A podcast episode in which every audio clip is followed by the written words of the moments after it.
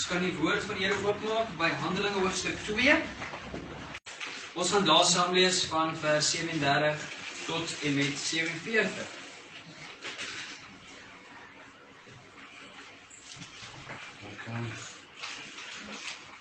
Askies?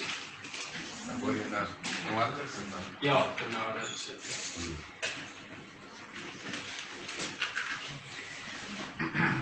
Goed. Toe hulle dit hoor, is hulle diep diep in die hart getref en het vir Petrus en die ander apostels gesê: "Wat moet ons doen, broeders?" En Petrus sê vir hulle: "Bekeer julle en laat elkeen van julle gedoop word in die naam van Jesus Christus tot vergifnis van sondes en julle sal die gawe van die Heilige Gees ontvang."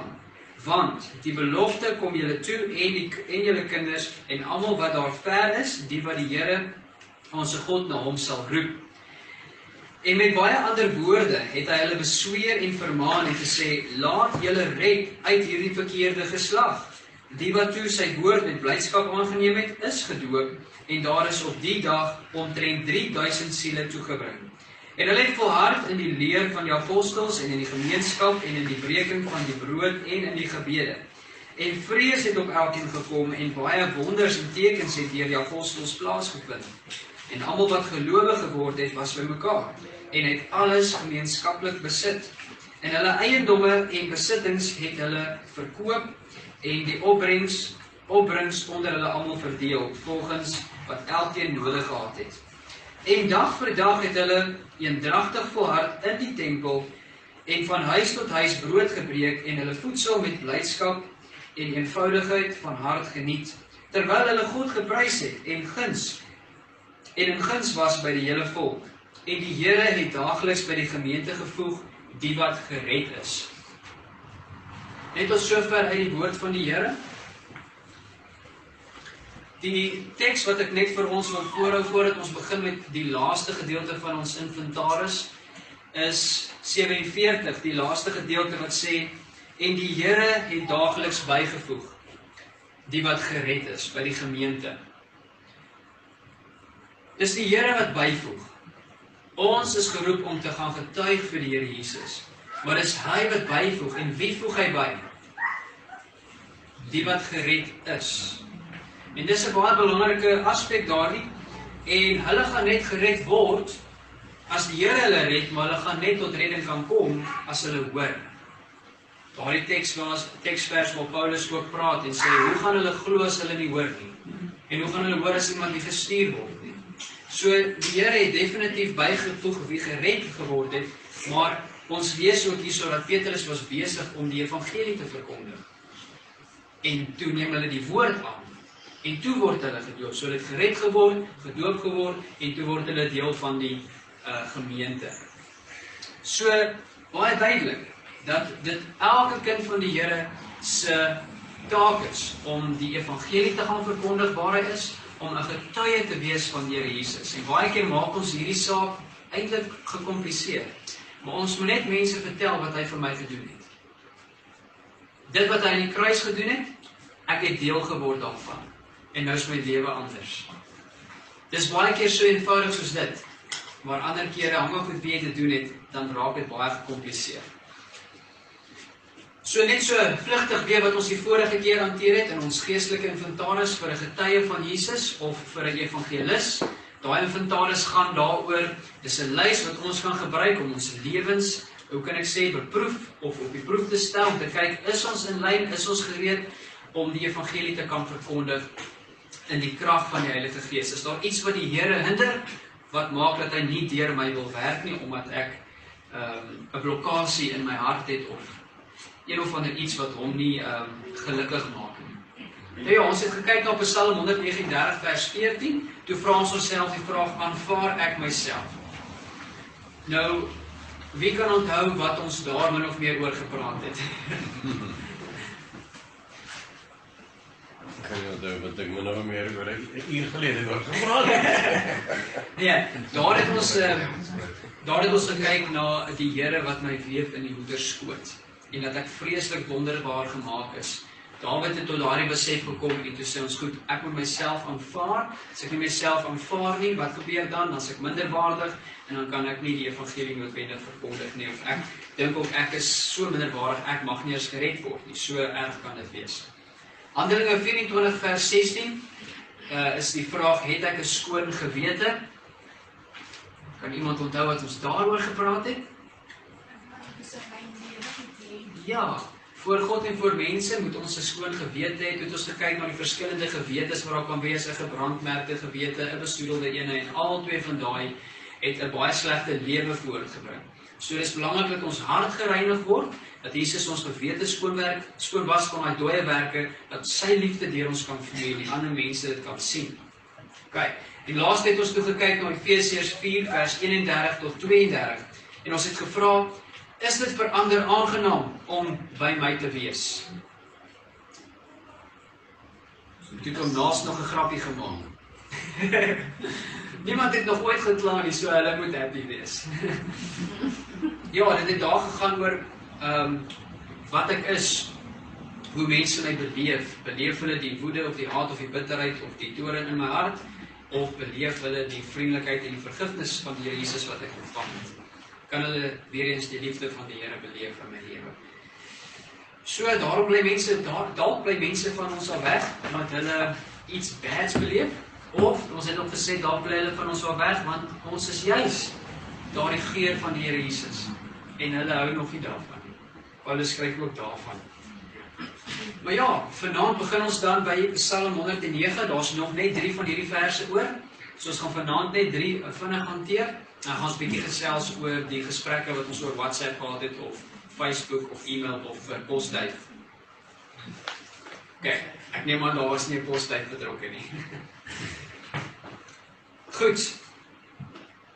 Psalm 109 vers 104 sê: Ek kry verstand uit u beveling, daarom haat ek elke leenpad. 119. Ja. Dit is ekskuus. Ja, ek het 119 gebruik. Ek het dit nou net verkeerd geskryf daarso. Ja, ekskuus, Ja, dit is die 119. regte bewoording. Ja, dis die regte vers met woorde, maar dis die verkeerde plasing. Ekskuus julle. 119 vers 104. Ek het hom seker net opgeset. O ja, ja, okay. Dankie dat uh, dat jy my herinner. O ja. Dis so ons rol. Moet met wat mens. Nou ja, ek kry verstand uit die bevele, daarom haat ek elke leenpad. Kan ek vra of daar iemand is wat hom wil probeer?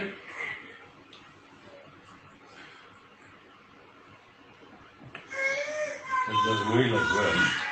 Al drie van hulle was Al moeilik. drie was moeilik. Ek gaan eerlik wees. Ja, Kennis van die woord. kennis van die woord. Ja. Goed, dis 'n okay. So jy sê die vers se kerngedagte is kennis van die woord. Ja, wil meer sê die die die daai gedeelte is kennis van die woord en omdat jy kennis van die woord het, het jy 'n liefde vir die woord. En omdat jy liefde vir die woord het, weet jy wat is goed en verkeerd of kan jy onderskei tussen goed en verkeerd. Okay. So daarom haat jy Kan ek jou kennis Ja, kan ek jou kennis van die woord vervang met die woordjie verstand? Ja. Verstand. Hmm. Okay. So goed, kom ons hou dan net eers daarso by kennis van die woord. So jy sê die kern is kennis van die woord en hoe het jy daarbey uitgekom? Ehm um, ek dink die die uh, in konteks van van uh, vers 97 af is dit toe ek het verstaan as ek Okay. dit so lees. Alright, nee, dis goed.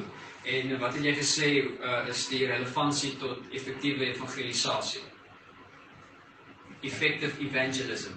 Dink as jy die verstand het ehm um, dan as jy op daai stadium kom om om met iemand oor God te praat, het jy of weet jy wat om te sê op daai in daai situasie. Ja. As jy ge-challenge word. word. Ja. Nee, dis reg. Goed. Dit is dit is baie naby aan wat ek ook gekry het. Ek het gesê dit gaan oor verstand. Ekskuus.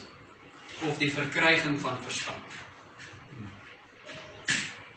So eerstens het ek net bietjie taalkundig na die vers gaan kyk. Ek het gesê dat die vers wat ek hier voor my het is 'n stelling. Uh die skrywer maak 'n stelling. Dis 'n feit wat hy vir ons gee. En hierdie vers bestaan uit twee dele. Deel 1 word geskei van deel 2 met 'n kommapunt, 'n ruspose. OK. So nadat jy deel 1 gelees het, gaan jy rus, jy gaan 'n bietjie dink oor die, dit wat jy nou klaar gelees het. En jy gaan ook weet hier kom 'n verdere uitbreiding oor of verduideliking van wat vooraf gegaan het.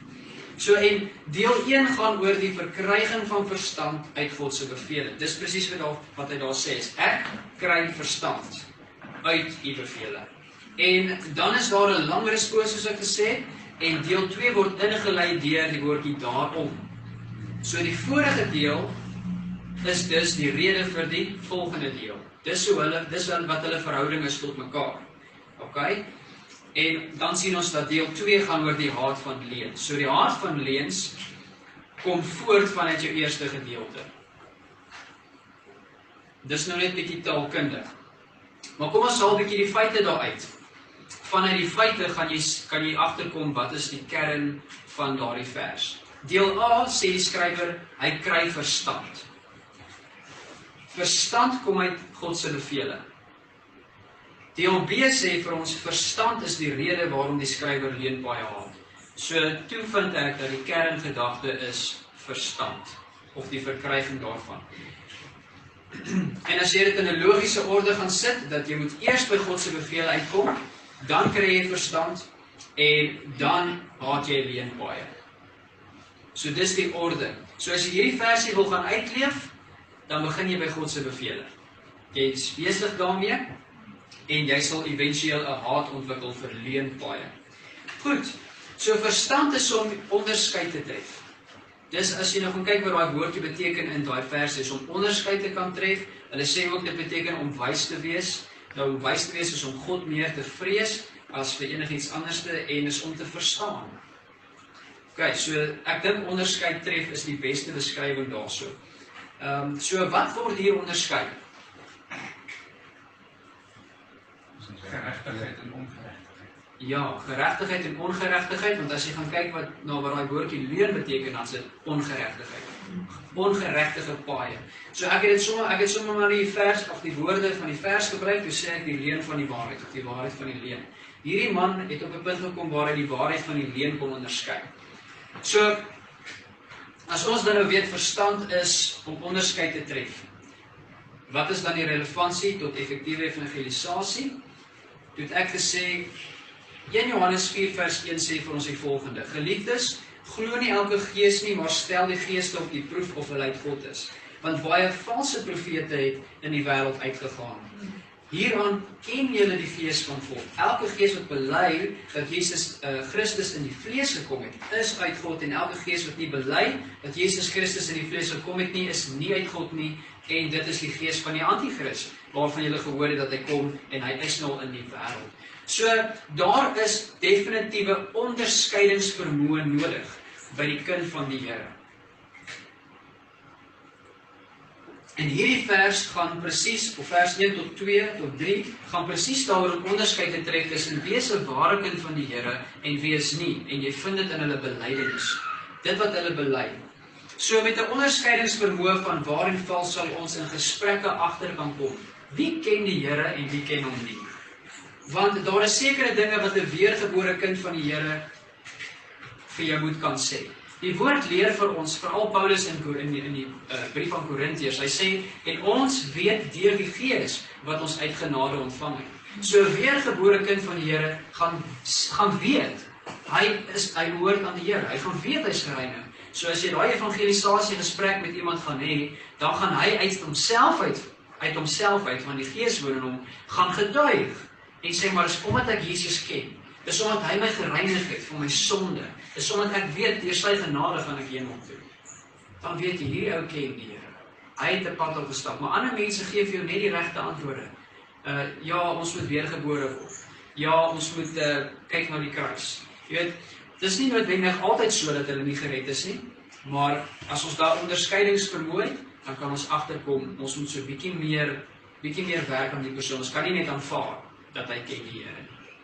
Maar hierdie vermoë is nie net om onderskeid te tref of iemand in sy in sy belydenis of hy 'n kind van die Here is of nie. Dis ook om 'n morele onderskeid te kan tref tussen goed en kwaad, tussen reg en verkeerd. En ehm um, party van die gesprekke se hindernisse is juis dit. Baie mense hak vas want hulle het 'n morele hindernis. Hulle dink God is onregverdig. Eh want daar's slegte dinge in die wêreld. Daar's grys areas en sekere sondes en nou volhard hulle daarin. En as jy 'n onderskeidingsvermoë het en jy het insig in die woord soos wat eh uh, Wynand gesê het, gaan jy hulle kan reghelp en sê maar jou motief is verkeerd. Of dis nie eintlik waaroor dit gaan nie, dit gaan eintlik hieroor. Jy weet so, die Here kan jou help daarmee. Want ons vind dit in Hebreërs 5 vers 12 tot 14. Daar staan want hoewel julle van wie die tyd leraars behoort te wees, het julle weer nodig dat 'n mens julle die eerste beginsels van die woord van God moet leer. En julle het weer behoefte aan melk en nie aan vaste spys nie, want elkeen wat melk gebruik is onervare in die woord van geregtigheid. Omdat hy 'n kind is, maar vaste spys is vir volwassenes, vir die wat geestesvermoëns besit deur die gewoonte geoefen om goed van kwaad te onderskei. So hier vind ons die onderskeid van God se woord van geregtigheid. En wat se woord is dit? Dis die evangelie. Want die evangelie openbaar God se geregtigheid. Daar's dit staan daar in Romeine hoofstuk 1 vers 16, 17 of 18 daarop. Goed, so onderskeidingsvermoë is belangrik wanneer ons evangelisasie doen met mense. Sonder hierdie onderskeidingsvermoë kan 'n mens kan ander mense jou mislei. Anders jy gaan verkondig die evangelie en hulle vertel vir jou net wat hulle dink goed en mooi is en jy sê o, okay, ja, dis reg. En weet jy wat gebeur? Jy loop weg, jy los hom in die wanindruk dat hy gered is en jy gaan huis en jy dink jy het iets bereik. Dis intussen is die ou nie gered nie want daar's 'n ontbreking van onderskeiding van waar hierdie ou reg staan met die Here en wat hy vir jou sê. Gesprekke word 'n bevestiging vir hulle sondige of ongelowige lewe. As jy daai grys areas nie kan onderskei nie, dan kan jy opeindig om saam te stem of in te stem en dan dink hy hy kan maar net so voortgaan. So, wat is die oplossing vir hierdie probleem? Kry verstand uit God se beveling. En wat beteken dit? Word besig met wat God beveel ons moet doen. Bedink dit um en doen dit. Wanneer jy dit doen, sê die Here Jesus, as jy my woord hou en jy doen dit, sal jy die waarheid ken en die waarheid sal jou vrymaak. So jy sal die waarheid ken. Baie mense het nie onderskeidingsvermoë nie want hulle is nie besig met God se beveling nie. Hulle is nie besig om dit uit te oefen nie. Hulle is nie besig met God se woord nie, soos wat ons gesê het. So selfondersoek item uh, inventaris item 18 Ek het die vraag gevra, kan ek waarheid van leuen onderskei? Die vraag wat hulle gegee het op die lys was iets anders en ek sal dit nou vir julle wys, maar as jy die teks gaan ondersoek dan kom jy kom ek nie by die selfde gedagte uit nie. Kan ek waarheid van leuen onderskei? Met ander woorde, dis nog iets wat jy vir jouself moet beantwoord en as daar 'n tekort daarin is, dan sal dit iets wees wat jy saam met die Here aan moet werk. Dis nie 'n rede om op te hou evangelisasie doen nie. Dis net dis nou iets wat jy moet aangaan werk. Hulle het gevra, "Haat ek leenpaaie?" Askies, hulle het gevra, "Haat ek werklik die sonde?" Ek weet nie hoekom ek nou dit geskryf het nie. Hulle het gevra, "Haat ek werklik die sonde?" Nou daardie vraag het vir my meer gevra, "Is ek eg?" As jy daai vraag vra, "Haat ek werklik die sonde?" Dan is dit 'n vraag oor my egtheid of gee ek voor? Dat ek sondaar. En toe het ek gevoel die vers kom vir my nie daarby uit nie, maar ja. Nog steeds kan ons die Here se se woord gebruik om te leer. Jy kan daai daai daai vraag kan jy ook vir jouself neerskryf. Jy hoef nie net die vraag wat ek gesit het daar neer te sit nie. Want dit is ook 'n belangrike vraag. Haat ek werklik die sonde of is ek nog lief daarvoor? Goed, die volgende ene, 1 Korintiërs 13 vers 5. Handel nie onwelvoeglik nie. Soek nie sy eie belang nie. Word nie verbitter nie, reken die kwaad nie toe nie. Wie gaan vir ons daardie vers probeer?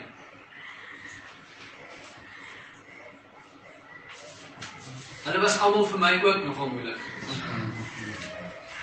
Maar ek het hierdie genade het ek deur hom gestoei. OK. Ons het gesê liefde. Liefde. Wonderlik, ek ook. ja. So julle sê jy die kerngedagte is liefde. Nou hoe het jy daarby uitgekom? Die hele gaan die liefde. Baie mooi. Ja, baie mooi. En uh, wat is die liefde is en niks. presies? Nou um, wat is die relevantie tot effektiewe evangelisasie? Nee, wat is jy nie, as jy nie 'n persoon wat liefde kan nader nie. Dan iemand los. Dis die nommer 1 gedagte in evangelisasie.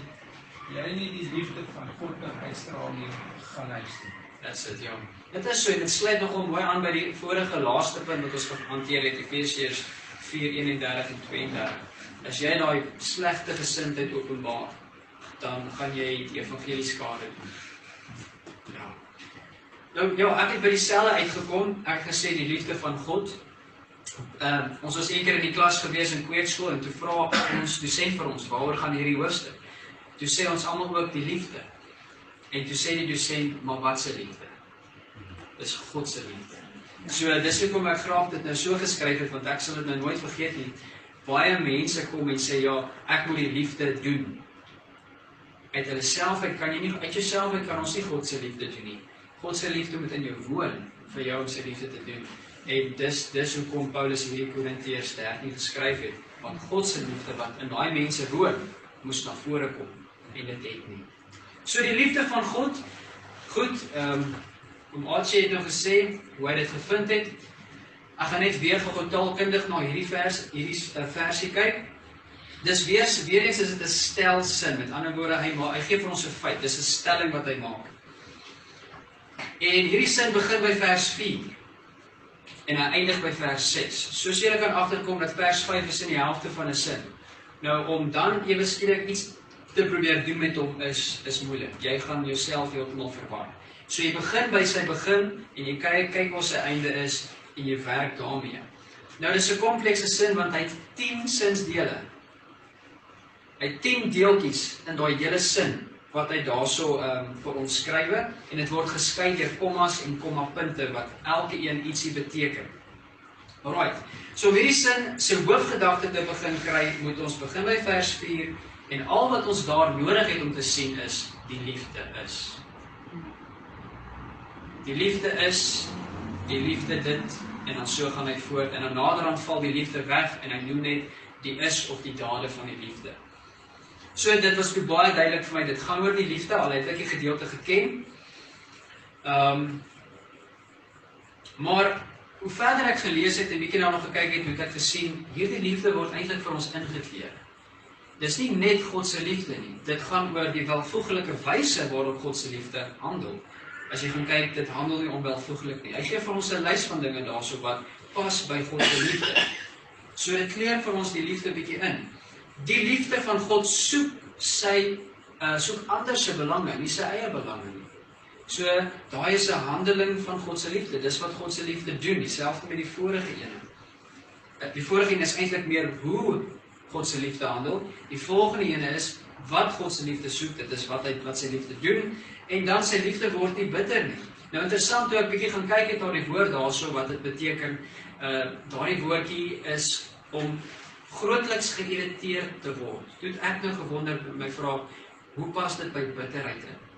So dis nogal ietsie wat julle ook kan gaan opslaan en na gaan kyk wat dit miskien dalk aardse julle uh, wat daai woord beteken en of ek nou dit dalk misvat daarso.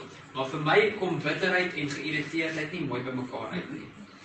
Maar nietemin hierdie stukkie sê vir ons dat die liefde laat nie toe dat dit iets anders word nie. Dit word nie bitter nie. Dit word nie eweskielik iets anders nie. Dit bly liefde. Dit kan dan geïrriteerdheid of bitterheid wees of nie. Hoe ook al dit sê die God se liefde vergeld, maar dit vergeld die kwaad nie. Dit reken nie toe nie. Toe ek nou maar gesê as ek hom so bietjie sou invleer, dan sal ek sê God se selflose of onselfsugtige liefde. Want as jy dink aan ander se belange, dan dink jy nie aan jouself nie. As jy nie verbitter word nie, dan dink jy nie aan jouself nie. As jy nie vergeld nie, dan dink jy nie aan jouself nie. Want jy wil nie daai ou seer maak nie. Jy wil nie hy moet hier al die goeders gaan nie. Of jy dink aan God se belange, God wil nie hê jy moet sonde doen nie. Verstaan, so jy dink nie aan jouself nie. So God se selflose belange. Ag, ekskuus liefde. Daai Yes.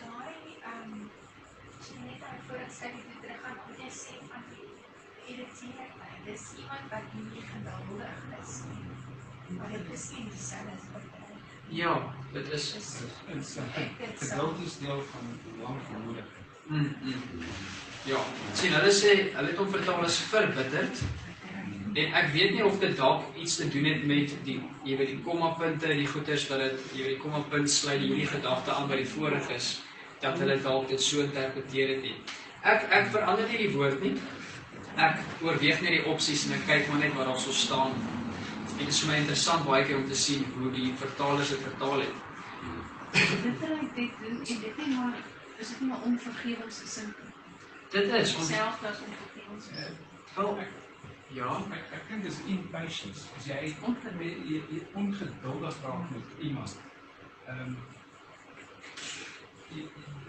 kom ons vat dit nou in in die konteks met ons nou daar. Jy is besig om met hierdie ou te praat en nou raak jy on, hy snap nie wat jy van vertel nie. Nou raak jy ongeduldig met hom. ja. En en en die, die, die liefde binne in jou wat jy moet uitstraal. Jy kan nie ongeduldig raak met hierdie ou nie. Ja. Uh, soos ek sê, ons het twee vrouens in hierdie gemeente gehad met die een het 21 jaar vir haar man gebid om gered te raak, die ander een 25 jaar. Ja. Ons spesifiek die persone met wie ons gesels het nou hierdie week. Bid ons al vir 5 jaar voor. En ons raak baie keer kan kan hulle dit net nie nie snap nie. Ja, ja, ja. En en en jy moet dit hou, jy moet waaksaam wees dat jy nie bitter raak omdat hierdie ou nie Okay. wat jy vir hom sê nie. So, Ja. ek dink dis Dit daar is 'n daar's 'n konnektasie. ja. Ja, dis my my insins. Ja, dis iets om 'n bietjie oor na te dink. Ehm Maar ons aanvaar dit soos dit daar staan. Dit word nie verbitterd nie. In ander woorde, die liefde verander nie. Dit bly altyd liefde. Ja. OK. Nou, wat is die relevantie? Ek het gesê die relevantie is uh dit is God se liefde onder ons want die wêreld sal toon dat Jesus waarlik deur God gestuur is. En hoekom ek so gesê het is Johannes 13 vers 35 sê hieraan sal almal weet dat julle my disippels is as julle liefde onder mekaar het. Nou die wêreld het nie God se liefde want hulle ken hom nie. Maar ons het God se liefde want ons ken hom. So ons moet liefde onder mekaar hê. En as daardie mense wie ons evangeliseer of kom besoek sien ons het liefde onder mekaar, dan sal hulle sien waarlik Jesus is hierso. Hier's iets anders aan die gang want dit dit kry ek nie in die wêreld. Met hierdie liefde bevestig ons dan weer eens soos ons baie keer gesê het, die geloofwaardigheid van die evangelie boodskap. Want so lief het God die wêreld gehad. Maar baie keer verkondig ons dit en die mense sien nie daai liefde by ons nie. En dan wonder hulle, hoe werk dit? Geen liefde het natuurlik die teenoorgestelde effek. Dit stoot mense weg. Nou wat is die oplossing? Ek het op 'n wonderlike teksvers afgekom wat ek met baie mense deel, 1 Tessalonisense 3 vers 12 tot 13. En mag die Here julle ryk en oorvloedig maak in liefde vir mekaar en vir almal, soos ons ook teenoor julle is, sodat hy julle harte kan versterk om onberispelik te wees in heiligheid voor ons God en Vader by die wederkoms van ons Jesus Christus met al sy heiliges. Met die fokus op dit wat daar beeld gemaak is.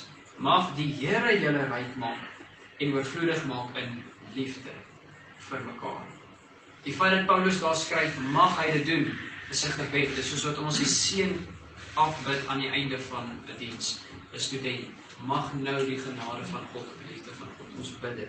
So Paulus is besig om 'n gebed uit te uit te spreek daarso dat die Here hulle liefde sal meer maak en daardie liefde sal hulle harte versterk en in daardie liefde en versterking sal hulle foutloos in heiligheid wees wat 'n kosbare gedagte is van heiligheid. Want hoe hoe is jy heilig?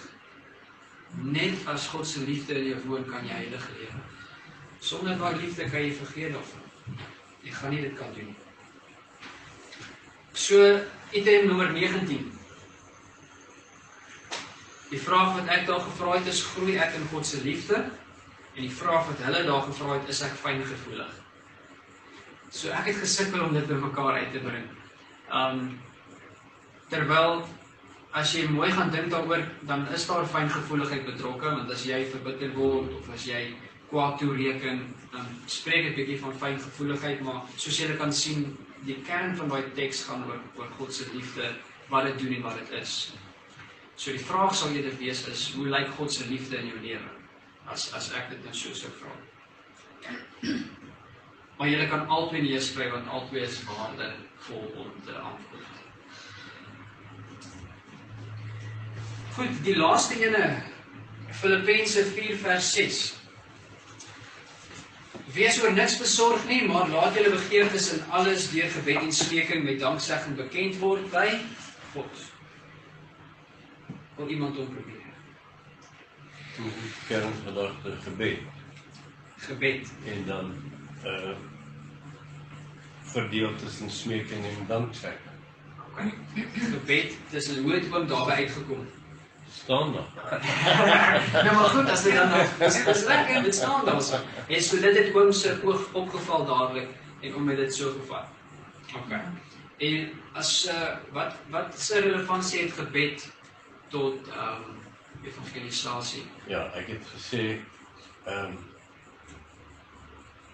uh, die gebed is om jou leiding te gee om die evangelie, evangelie uit te dra en dan ook om die persoon aan wie jy verkondig uh te te help en ondersteun uh en dan daarna met danksegging verbyde. Ja, ja. Kyk, gebed speel absoluut 'n belangrike rol in evangelisasiewerk. Dit weet julle nou al.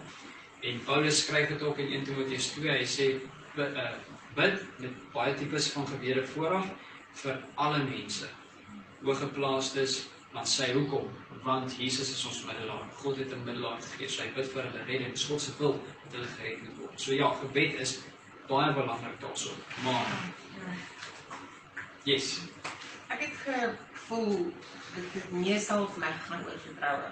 Vertrou. Ja. Okay. Jy jy neem die Here aan en jy gee jou lewe vir hom. En jy vertrou hom dat hy vir jou gaan sorg, dat hy jou gaan lei. En ook as jy daar buite is, jy weet die Here sal iemand vir jou stuur. Ja. Wat by jou moet kom. Jy vertrou ten volle. Dis dis ek net wat ek gekry. Okay, nee, dis reg. En kan ek jou die res van die vrae vra of wil jy net Dis dit? wel. So, hoe het jy daarby uitgekom? Bybel. Kyk, net so net so net so so Piet. Dis Hy reg. sê hy sê wees oor niks besorg. Ja. Dit beteken dis soos 'n klein Trust. wat vir die Mm. wat weet daar pa gaan daar wees om aan te val.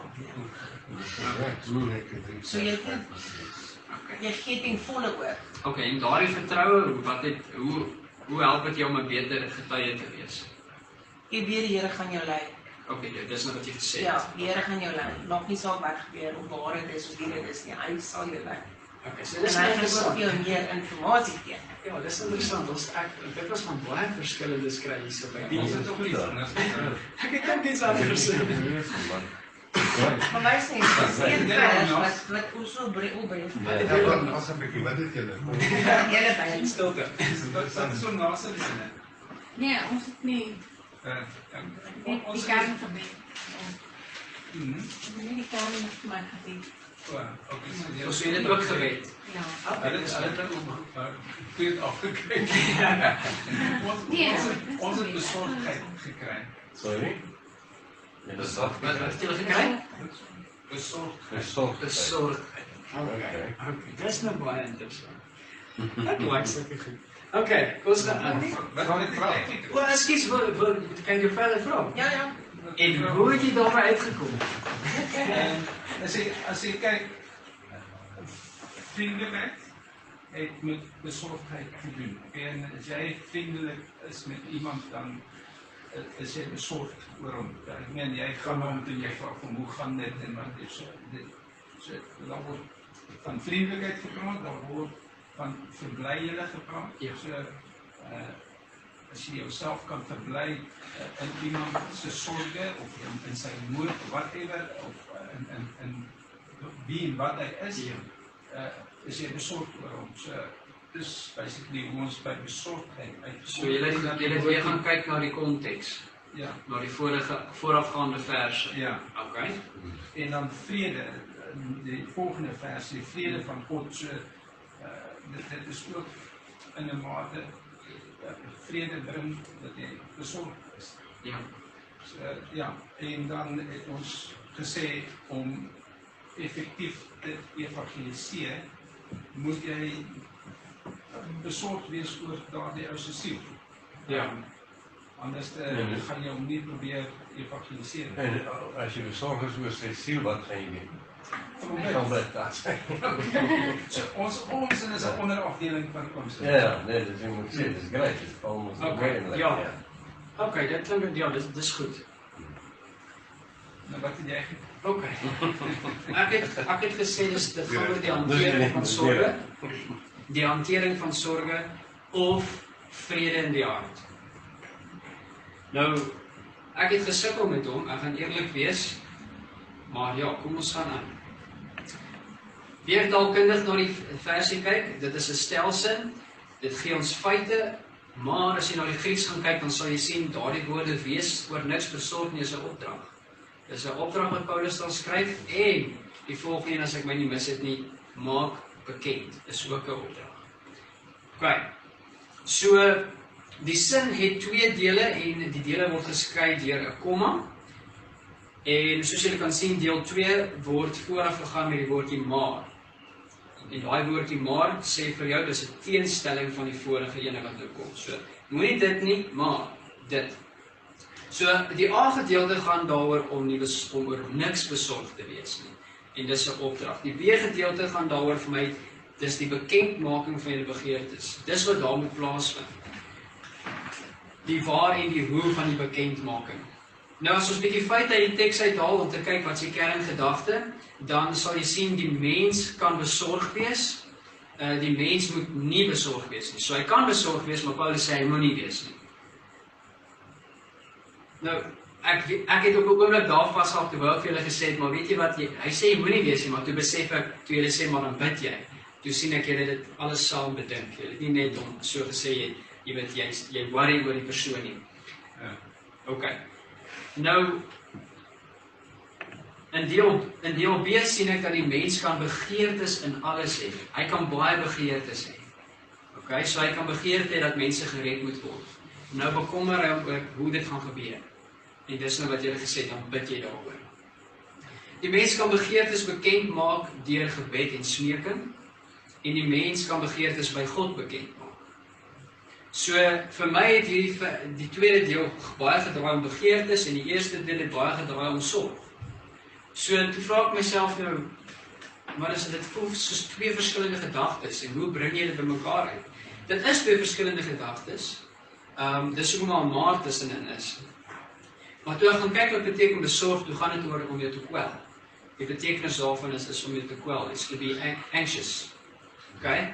En om angstig te wees dat iets wat jy graag wil hê nie gaan uitwerk nie. Wanneer is jy angstig? Jy's angstig wanneer jy graag wil hê dit moet goed gaan, maar dit lyk asof dit nie van goed gaan nie, dan raak jy angstig. Jy's angstig wanneer jy graag kos wil hê, maar dit lyk asof jy nie geld gaan hê daarvoor nie.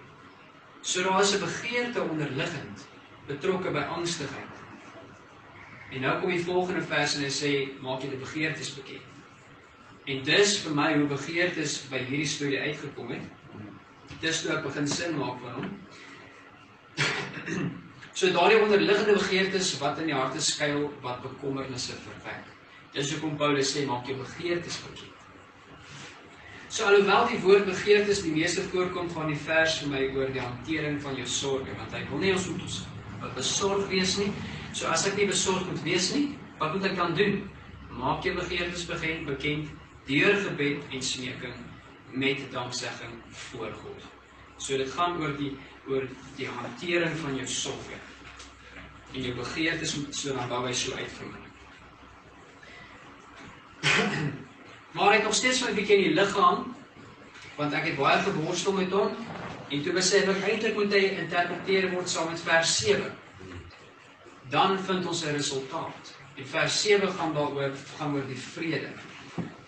En dit bring my by my uh uh relevantie van evangelisasie as ons ons bekommernisse reg hanteer sal ons meer van God se vrede in ons harte hê en dis daardie vrede in ons gemoedere wat ander mense gewoonlik laat vra, hoe kry jy dit reg om so kalm te wees in sulke omstandighede? So dis nou weer hoe ek dit toegepas het. Ehm um, dit vind dalk in 'n evangelisasie gesprek plaas. Jy getuig dalk vir iets wat die Here van jou doen en hierdie man of vrou sê, "Wow, ek gaan doen dieselfde ding, maar ek het nie die kalmte wat jy het nie." Ek het nie. Waar kry jy dit? En dan kan jy verder getuig by die Here wat wat my vrede is.